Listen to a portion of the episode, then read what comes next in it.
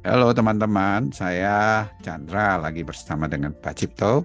Saya ingin mendapatkan penjelasan dari Pak Cipto akan ayat dari eh, Kidung Agung 2 ayat 8. Dengarlah kekasihku, lihatlah ia datang melompat-lompat di atas gunung-gunung, meloncat-loncat di atas bukit-bukit. Wah ini gambaran orang yang lagi jatuh cinta ini Pak Cipto Gimana itu Pak Cipto? Ya, ini ayat uh, sangat membantu kita kalau kita di dalam satu tantangan ya, apakah itu kerjaan, apakah itu dalam rumah tangga, ketika menghadapi satu persoalan atau menghadapi satu ketidakenakan gitu dari sesama kolega di kerja atau di sesama keluarga gitu, ketika ada tuntutan yang yang demanding ya, yang menuntut kita gitu dan kita tidak bisa dan tidak bisa memenuhinya dan sepertinya ketemu lagi sama orang itu yang dituntut lagi, dituntut lagi gitu kan. Dan bagaimana kita menghadapi satu situasi hidup uh, dan sepertinya uh, dan di sini tertulis uh, dari pesan kasih Tuhan kepada kita bahwa dia itu sangat sayang, sangat excited, uh, sangat bergairah uh, uh, ketika dia melihat kita, uh, sedangkan kita sendiri dalam situasi hidup uh, tidak merasakannya ya, uh, merasa kita itu tak berdaya atau korban atau kita terpancing jadi marah, jadi kesal, jadi depresi begitu uh, dan berjuang dengan logika kita. Kita merasa dirinya nggak mampu atau kita merasa dirinya tertekan, terpancing gitu Nah, dan dan sering gagalnya. Dan ayat ini mengingatkan kita bahwa di satu realem kebenaran yakni ya realem kekal itu realem di mana Tuhan itu hadir dan dan ada di dalam kita itu membuat kita itu tidak lagi fokus kepada keadaan hidupnya kita gitu. Tapi uh, fokus kepada kasihnya Tuhan yang excited itu, yang bergairah itu.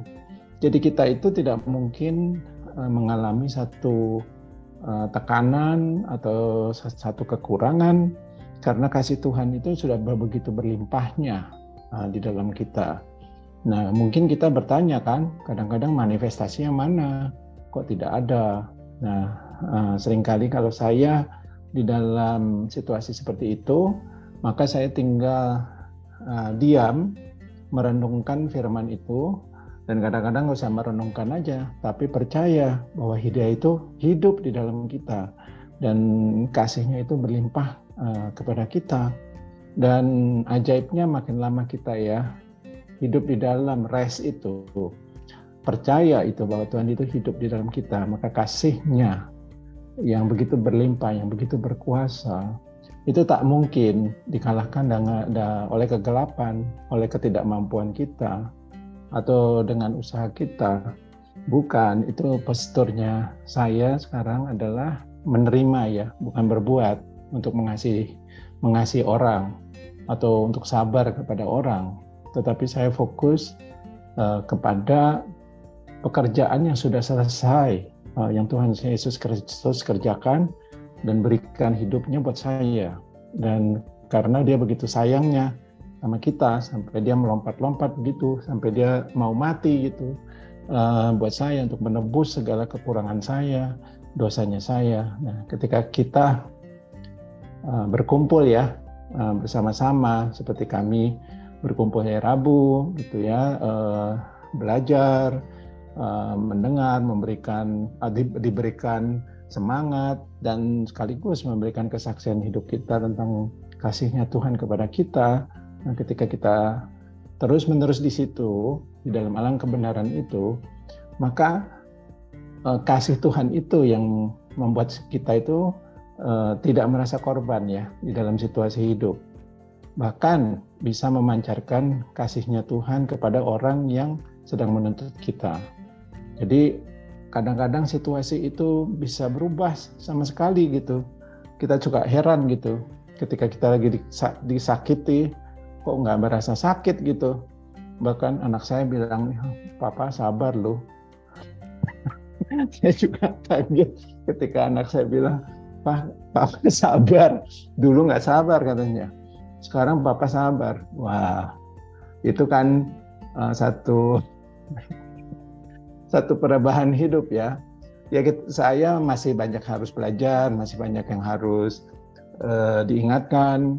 Tapi ya saya percaya tuh Tuhan itu tanpa saya harus belajar dia yang merubah hati saya menjadi lebih sabar, lebih mengasihi orang gitu. Itu dia Pak Secing. Thank you.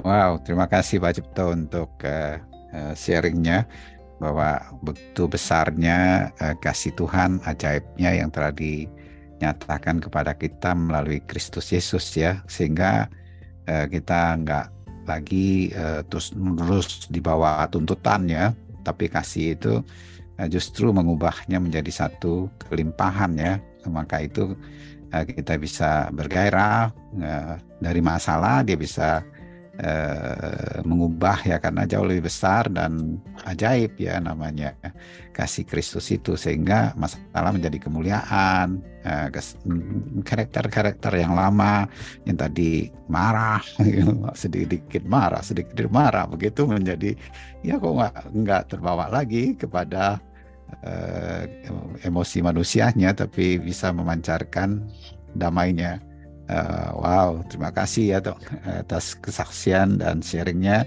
akan kasih Kristus biar kita semakin dibukakan, disadarkan dan kegairahan kasih ini terus memancar dalam kehidupan Pak Cipto, keluarga dan kita semua. Tuhan memberkati.